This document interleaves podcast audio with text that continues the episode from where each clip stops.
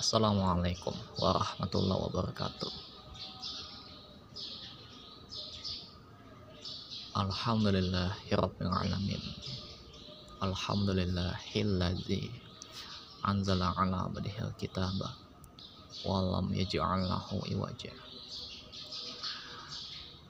Segala puji bagi Allah Subhanahu wa taala yang telah menguatkan kita dengan nikmat iman Islam sehingga alhamdulillah dengan izin Allah Subhanahu wa taala kita dimampukan untuk bisa mengerjakan sholat subuh berjamaah pada hari ini.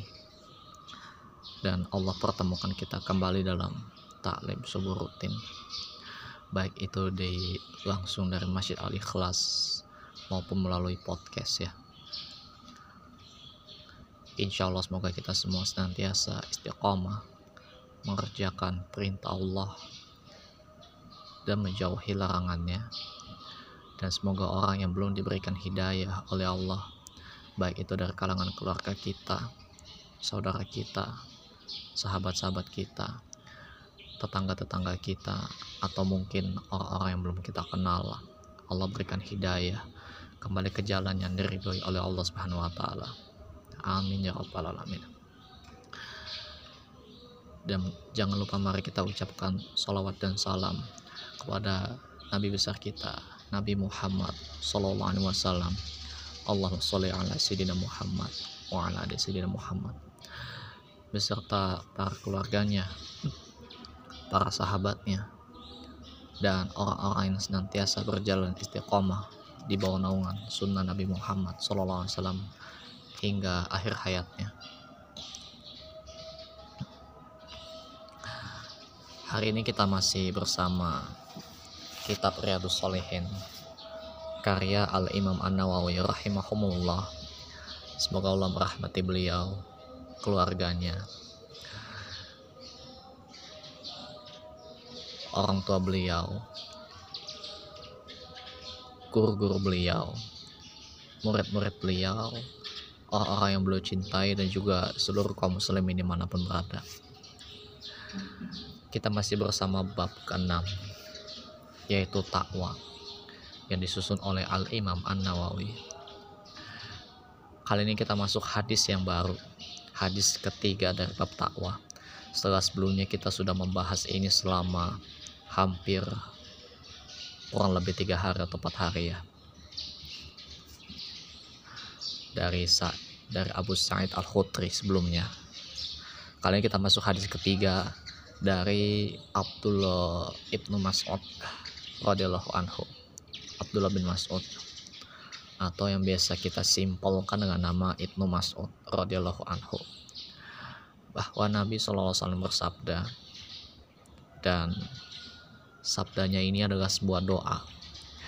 Allahumma inni as'alukal huda wa tuqa wal afa fa wal gina kita ulang Allahumma inni as'aluka as'alukal huda wattuqa wal afafa wal gina Ya Allah sesungguhnya aku memohon kepadamu hidayah ketakwaan kesucian diri dan kecukupan hati Insya Allah hadis ini diriwayatkan oleh Hadis ini diriwayatkan oleh Muslim, At-Tirmizi, Ibnu Majah, Ibnu Hibban dan lainnya. Mungkin insya Allah ini kita akan membahas dengan cukup pendek ya, tidak banyak. Derajat hadis ini insya Allah sahih, tanpa keraguan. Semua perawinya stiqoh. Semua perawinya stiqoh, terpercaya dan hadis ini juga dikeluarkan oleh Imam Muslim dalam sahihnya yang sudah cukup menjadi indikasi sahihnya hadis tersebut. Nah, ada penjelasan dalam hadis ini. Ini isinya doa ya. Isinya doa. Isinya. Allahumma inni as'alukal huda wat tuqa wal afafa wal ghina. Dalam doa ini Rasulullah SAW mengajarkan kita untuk memohon empat hal sebagaimana sudah diterjemahkan tadi ya. Yaitu yang pertama al-huda petunjuk sebagaimana kalau kita menyebut kalimat huda terbayang ayat awal al-baqarah ayat 2 alif lam mim. Zalikal kitabula raiba fi hudal lil muttaqin. Hudal. Kalimatnya huda. Petunjuk bagi orang yang bertakwa. Begitu ya dalam ayat tersebut. Ada empat hal. Yang pertama tadi al-huda. Yang kedua at-tuqah. Maksudnya ketakwaan. Yang ketiga al-afaf. Keterjagaan. Dan al-ghina. Artinya kekayaan. Dicek ulang dalam kitab syarah Riyadus Solihin ya. Namun namun nih ya para ulama menjabarkan lebih luas makna dari empat hal yang kita minta di sini. Tentu kalau kita sudah bicara para ulama klasik, para ulama salafus soleh, ini sudah beda lagi judulnya ya. Empat hal itu tidak akan tidak akan dianggap sependek yang kita kira. Al-Mula Ali Al-Qari menjelaskan makna-makna. Al-Huda artinya hidayah yang sempurna hidayah yang sempurna at artinya ketakwaan yang menyeluruh. Full gitu. Al-afaf. Al-afaf dengan ain di fathah. Ya. Ain di fathah. Artinya al-kafaf. Al-kafaf. Kecukupan rezeki. Tentu kita baca ilmu nahu ya biasanya kalau afaf ini dikasrohkan ainnya jadi ifaf sebagian ulama mengatakan artinya adalah al-ifah nah iya ini. Terjaganya diri dari maksiat gitu. Nah, sebagian ulama lainnya lagi mengatakan artinya keterjagaan diri dari yang haram. Dalam kamus as-sihah, ya'ifu afan ifatan afaatan afaafan artinya kafun kecukupan secara bahasa secara etimologi gitu ya. Secara bahasa dalam kamus as-sihah itu al-afaf itu dari kalimat ya'ifu afan ifatan afafan nah artinya kafun kecukupan dan dinukil dari Abul Futu an Naisaburi bahwa ia berkata al-afaf artinya kesolehan jiwa dan hati kesolehan jiwa, dan hati. Adapun al-ghina yang disebutkan terakhir artinya kekayaan hati yaitu merasa cukup dari apa yang ada pada manusia. Ini bisa ditemukan dalam kitab Mirqatul Mafatih tentang pengertian tentang makna dari Al-Huda yang dijelaskan oleh Al-Mula Ali Al-Qari. dalam ya doa ini sangat penting berarti kita memohon artinya diberikan hidayah oleh Allah Subhanahu wa taala. Hidayah yang sempurna. Hidayah yang membuat kita bisa terus istiqomah berada jauh Allah dan sekaligus hidayah yang membuat kita terhindar dari maksiat. Lalu kita diberikan oleh Allah kekuatan ketakwaan yang menyeluruh full. Begitu luar biasa. Lalu al-afaf. Artinya kecukupan bisa bisa artinya kecukupan rizki atau maksudnya terjaga diri dari maksiat seterusnya gitu ya. Menjaga diri. Lalu algina adalah kekayaan hati. Hati kalau sudah merasa kaya mau dikasih sedikit atau banyak sama Allah tuh ya biasa aja. Rasa bersyukur udah kaya gitu. Kekayaan itu tentang rasa tentang di hati bukan di angka makanya kita belajar tuh jangan cuman lewat terjemahan biasa doang. Cari maknanya tentu para ulama salafus soleh yang sudah mengetahui masalah ini. Al-Imam An-Nawawi juga menjelaskan Al-Afaf dan Al-Ifah artinya terhindar dari hal-hal yang tidak halal dan terjaganya diri dari hal tersebut. Adapun al-ghina di sini adalah kekayaan jiwa dan merasa cukup dari apa yang ada pada manusia dan apa yang ada di tangan mereka. Bisa dicek dengan syarah sahih muslim ya. Banyak sekali pengertiannya. Para ulama banyak sekali menjelaskan tentang ini. Terhindarnya dari hal-hal yang tidak halal, haram gitu ya. Kita terjaga dari hal yang haram, hal yang dapat memudaratkan kita, misalnya riba, gitu. Dan kita dijaga oleh Allah dari riba tersebut misalnya. Jadi Allah selalu kasih kecukupan kecukupan kecukupan yang membuat kita mohon maaf tanda kutip gak ngambil utang kredit riba pinjaman riba apalagi pinjol ya yang lagi rame-ramenya. Lalu algina kekayaan jiwa ataupun hati lah gitu lah ya. Merasa cukup dari apa yang ada pada manusia. Nggak ngarep kalau dikasih alhamdulillah. Nggak dikasih pun ya sudah alhamdulillah gitu. Bukan malah ngotot-ngotot sampai dipelototin tuh orang punya duit. Gitu itu kan merasa miskin artinya bukan merasa kaya. Dan apa yang ada di tangan mereka? Di tangan manusia. Di tangan manusia itu ada jabatan ada harta gitu. Tapi kalau kita lihat biasa-biasa aja ya Allah udah ngasih saya kecukupan kok gitu.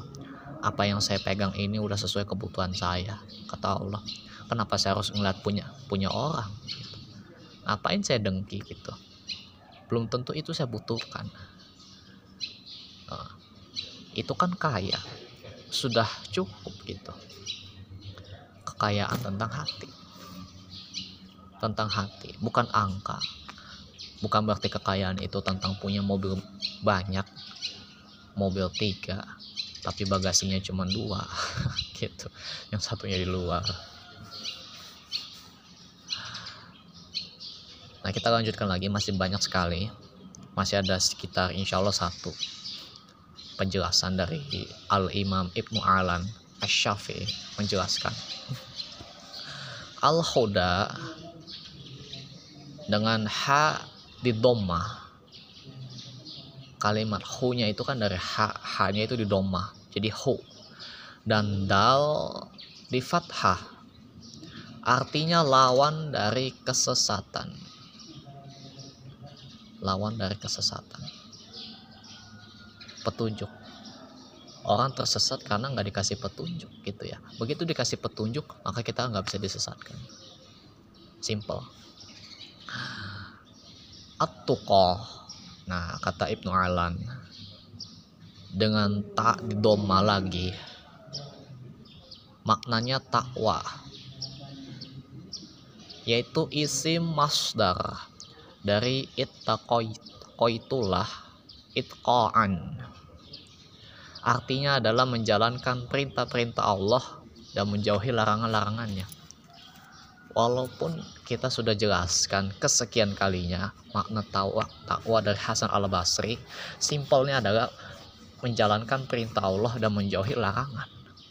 Semua ulama sepakat dengan satu konsep itu. Bahkan semua kaidah tentang takwa nyasarnya ke sini dulu jadi nggak usah ribet gitu. Itulah itqoan menjalankan perintah Allah dan menjauhi larangannya. Ini berat ya. Ini sudah bicara tentang ilmu nahu gitu. Penting ilmu nahu ini agar kita tidak tidak terpeleset dalam memahami suatu kalimat bahasa Arab. Al-afaf. Nah dengan ain di fathah dan dua huruf fa. Masdar dari afa artinya terhindar dari segala maksiat dan keburukan. Terhindar dari segala maksiat dan keburukan.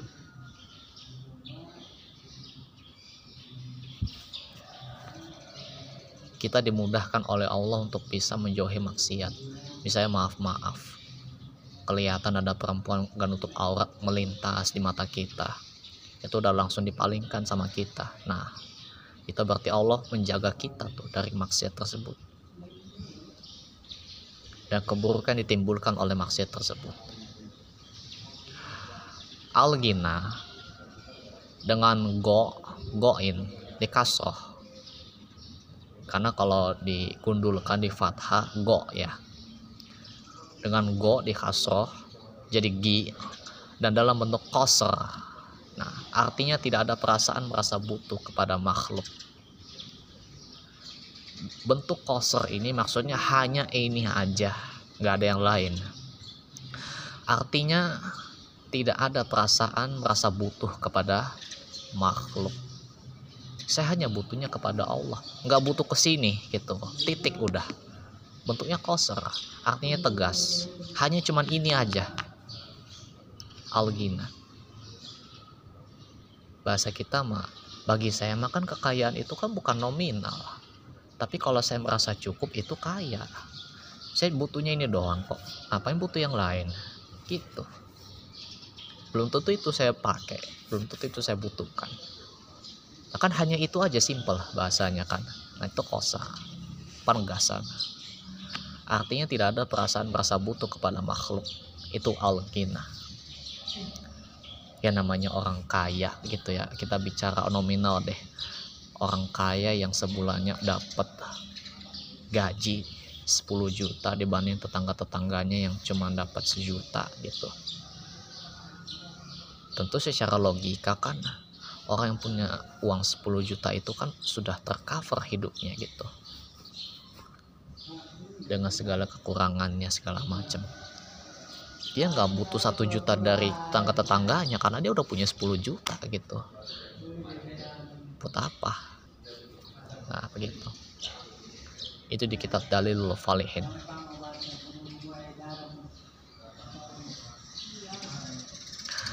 dengan demikian kalau diringkas dari penjelasan-penjelasan di atas, para ulama itu emang dalam membahas ini.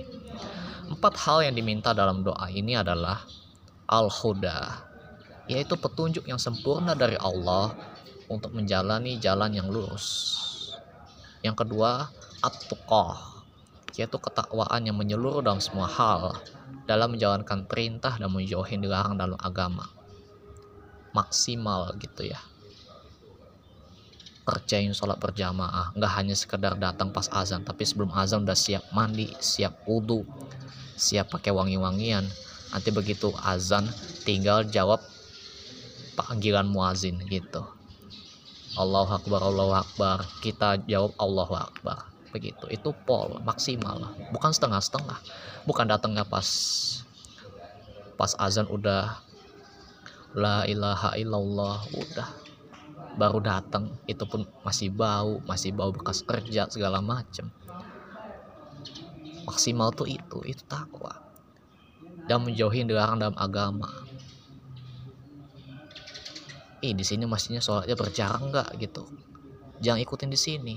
Cari yang rapat gitu. Katanya mau maksimal sholat berjamaah. Katanya mau mau dikasih pahala 27 derajat. Masa kita melakukan hal yang dilarang oleh Allah Subhanahu wa taala? Emang siapa yang suruh untuk dirap, dijarakan? Kan harus rapat. Nanti syaitan tuh masuk. Nah gitu tuh bahasanya orang bertakwa tuh yang maksimal tuh. Itu tuh. Menjauhi larangannya pun maksimal. Menjalankan perintah Allahnya juga maksimal. Itu at-tuqah. Yang ketiga, al-afaf yaitu keterjagaan dari melakukan hal-hal yang dilarang oleh agama dan hal-hal yang tidak halal sehingga hati dan jiwa kita menjadi soleh. Sebagaimana kaidah ahlu sunnah wal jamaah iman itu kan bisa bertambah dengan ketaatan dan berkurang dengan maksiat. Itu sudah pola gitu ya. Kalau Allah jaga kita dari hal maksiat dan Allah jaga kita untuk senantiasa istiqomah mengerjakan perintah Allah otomatis insya Allah hati kita dan jiwa kita akan terbimbing untuk menjadi orang soleh. Simple kita kadang susah menjadi orang soleh itu kan karena enggak dijaga sama Allah maka penting doa ini doa ini pendek hadirin namun kita minta pertolongan kepada Allah agar Allah berikan kepada kita kemampuan untuk bisa membaca doa ini dan meresapi doa ini dalam kehidupan sehari-hari. Yang keempat, al-ghina, yaitu kekayaan hati. Sehingga tidak merasa bergantung dan terlalu mengharapkan apa yang ada di tangan manusia, melainkan bergantung dan berharap pada apa yang ada di tangan Allah Subhanahu wa taala. ya secara logika lagi lah kayak tadi dijelaskan orang yang punya 10 juta dia nggak akan mungkin butuh sama orang yang cuma punya uang satu juta. Kan dia punya 10 juta 9 juta lebih banyak gitu buat apa? Ya itu secara logika semata loh gitu. Tapi orang kaya itu bukan berarti nggak berharap apa-apa dia hanya memalingkan diri dari berharap kepada makhluk dari manusia menuju berharapnya hanya ke Allah. Karena Allah yang kasih dia kekayaan seperti itu. Itulah esensinya. Bukan gak ngarep apa-apa. Ngarep itu pada tempatnya. Kalau ngarep ke manusia salah. Mau bagaimanapun judulnya. Ngarep ke Allah itulah yang buat kita mulia makanya kita benar-benar gak butuh sama makhluk karena kita sudah berharapnya sama Allah. Bergantungnya serius. Gitu. Nah hadirin Allah melihatkan mengapa Allah huda dan atuqoh lebih didahulukan dari untuk diminta? Nah ketahuilah bahwa ternyata urutan dari empat hal yang diminta tadi pun ada rahasianya. Nah simak penjelasan Ibnu Alan berikut ini Al-Huda itu didahulukan karena dialah landasan ketak dan ketakwaan dibangun di atasnya. Simple ya. Namanya sudah dikasih petunjuk. Kita mau bertakwa ini kan dikasih petunjuk sama Allah. Kita harus punya ilmu nih. Mana perintah Allah yang harus dikerjakan? Dan mana larangan yang Allah yang harus kita jauhi? Dan itu semua kita butuh petunjuk gimana kita membangun takwa kalau nggak ada petunjuk di situ? Habis atuh. Nah gitu. Itu landasannya. Landasan kita bergerak itu ada petunjuknya. Kita mau sholat ada petunjuknya. Bismillah dimulai dari niat dalam hati lalu takbir atau ikhram Allahu Akbar. Setelah itu baca Al-Fatihah. Dan seterusnya. Itu ada petunjuknya sholat itu dimulai dari urutan sekian sekian jam sekian lalu gerakannya sekian syarat-syaratnya wudhu seterusnya. Itu kan dikasih petunjuk. Kalau nggak dikasih petunjuk bisa aja orang sholat tanpa wudhu gitu. Atau orang sholat gitu ya. Tapi dia al-fatihahnya nggak tuntas. Karena imamnya kecepatan gitu ya. Ah, nah al-huda itu didahulukan maka ketika kita dikasih petunjuk, otomatis kita akan tahu bagaimana kita membangun ketakwaan. Begitu. Simple ya. Sedangkan digandengkannya al-afaf kepada al-huda, ini merupakan penggandengan sesuatu yang khusus kepada sesuatu yang umum. Dalam rangka menegaskan hal yang khusus tersebut. Karena nafsu memiliki kecenderungan untuk mengajak kepada lawan dari al-afaf yaitu maksiat dan keburukan maka seorang hamba hendaknya meminta pertolongan Allah Subhanahu wa taala untuk meninggalkannya. Nah, setelah sempurna permintaan-permintaan yang terkait dengan agama, maka selanjutnya baru tuh permintaan ditujukan untuk sebagian perkara dunia, yaitu al-ghina, merasa cukup atau tidak ada perasaan merasa butuh kepada makhluk.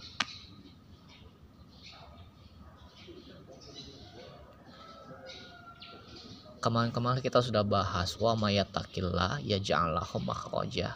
Barang siapa yang bertakwa kepada Allah, Allah akan berikan jalan keluar nah pertanyaannya kita selama ini mungkin nggak tahu cara bertakwa kayak gimana karena nggak dikasih petunjuk. Makanya kita nggak bertakwa sama Allah. Makanya jalan keluar nggak dapat dapat masalah tambah banyak tapi kita belum keluar dari masalah-masalah yang udah ada. Ya bagaimana mau kelar bagaimana mau beres? Gimana mau lepas pusingnya gitu tuh ya? Sedangkan tiap tiap jam tiap hari tiap bulan tiap tahun nggak akan pernah libur tuh masalah datang hampir kita. Pertanyaannya sudah beres belum masalah yang sebelumnya kita dapat. Kalau belum beres dapat ujian baru akan lebih pusing lagi. Makanya kita minta pertolongan kepada Allah yaitu diberikan petunjuk. Doa ini sangat penting. Tentu diresapi ya bukan hanya sekedar dibaca. Gitu. Diresapi. Karena Allah juga nggak akan menerima doa dari hati orang yang lalai yang nggak serius dalam berdoa pada Allah Subhanahu Wa Taala nah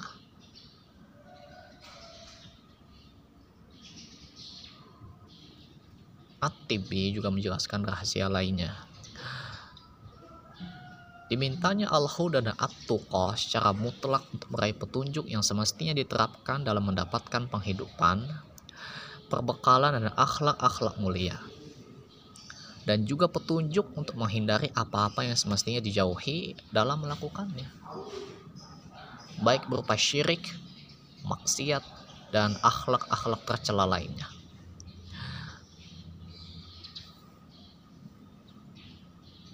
Adapun meminta al-afaf dan al-ghina adalah penyebutan yang lebih khusus setelah disebutkan yang lebih umum. Itu dinukil dari kitab Tufatul Ahwazi. Masya Allah.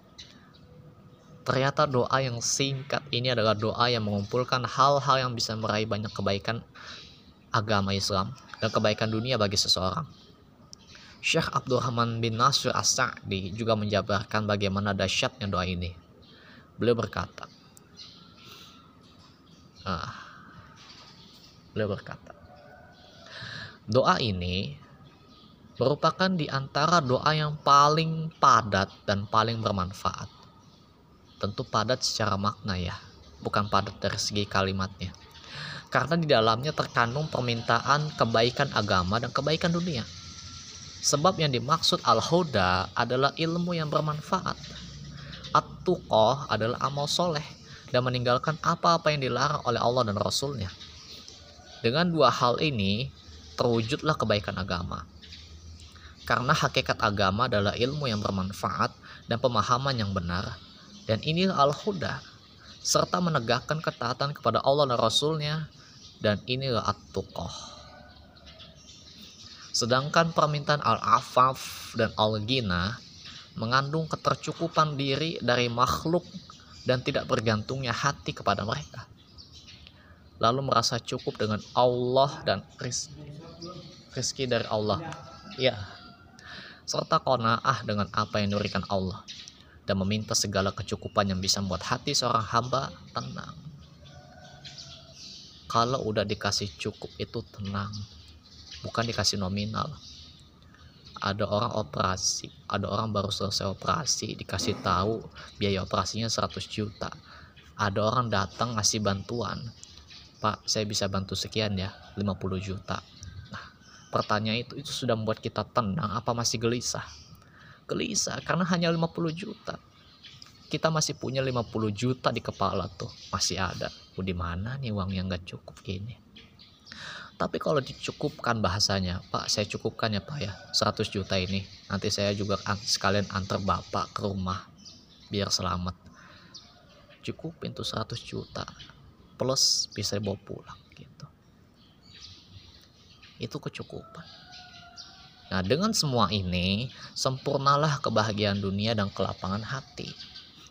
Inilah kehidupan yang toibah, kehidupan yang berkah. Barang siapa yang diberi rezeki oleh Allah berupa al-huda, at-tuqah, al-afaf, dan al-ghina, ia telah mendapatkan dua kebahagiaan dan ia mendapatkan semua yang hal yang diinginkan serta terhindar dari semua hal yang tidak disukainya wallahu taala soal.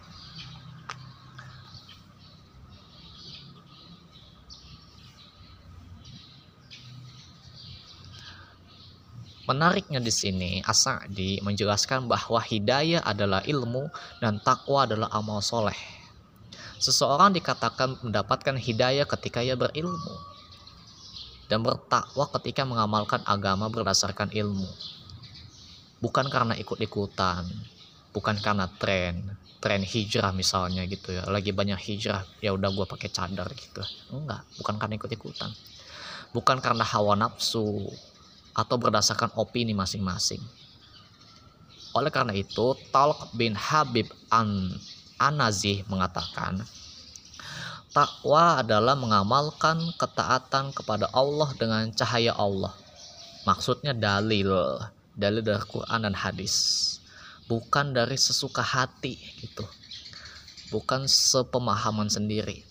Mengharap ampunan Allah meninggalkan maksiat dengan cahaya Allah itu juga dengan dalil dan takut terhadap azab Allah. Itu bisa ditemukan dalam kitab Syiar Alamin Nubala. Mungkin itu yang bisa disampaikan. Alhamdulillah. Ilmu yang bermanfaat dari hadis tadi, dari hadis surat Muslim.